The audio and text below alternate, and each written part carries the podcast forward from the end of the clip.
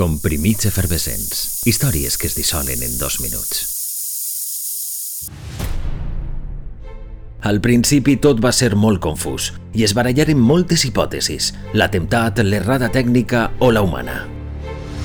Hagueren de passar unes setmanes fins que trobaren les caixes negres i les seues gravacions aportaren llum a l'assumpte. Sons que posen de manifest l'horror davant l'inevitable.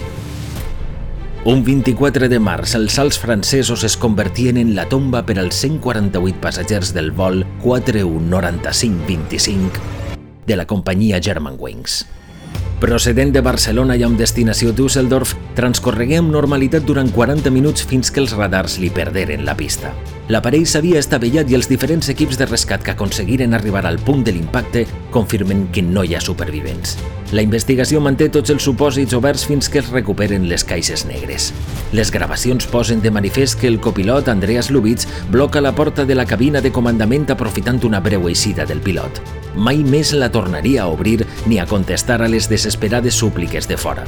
Fins i tot se sent com el pilot mira d'obrir la porta per la força, però sense èxit. A partir d'ací, el silenci. Setmanes després coneixeríem informacions relatives a l'inestable equilibri emocional de Lubitz que posaren contra les cordes els sistemes de control de les companyies que han de garantir la salut mental dels responsables de vol. Finalment es determinaria que Lubitz va causar el sinistre de forma conscient aquell 24 de març de 2015.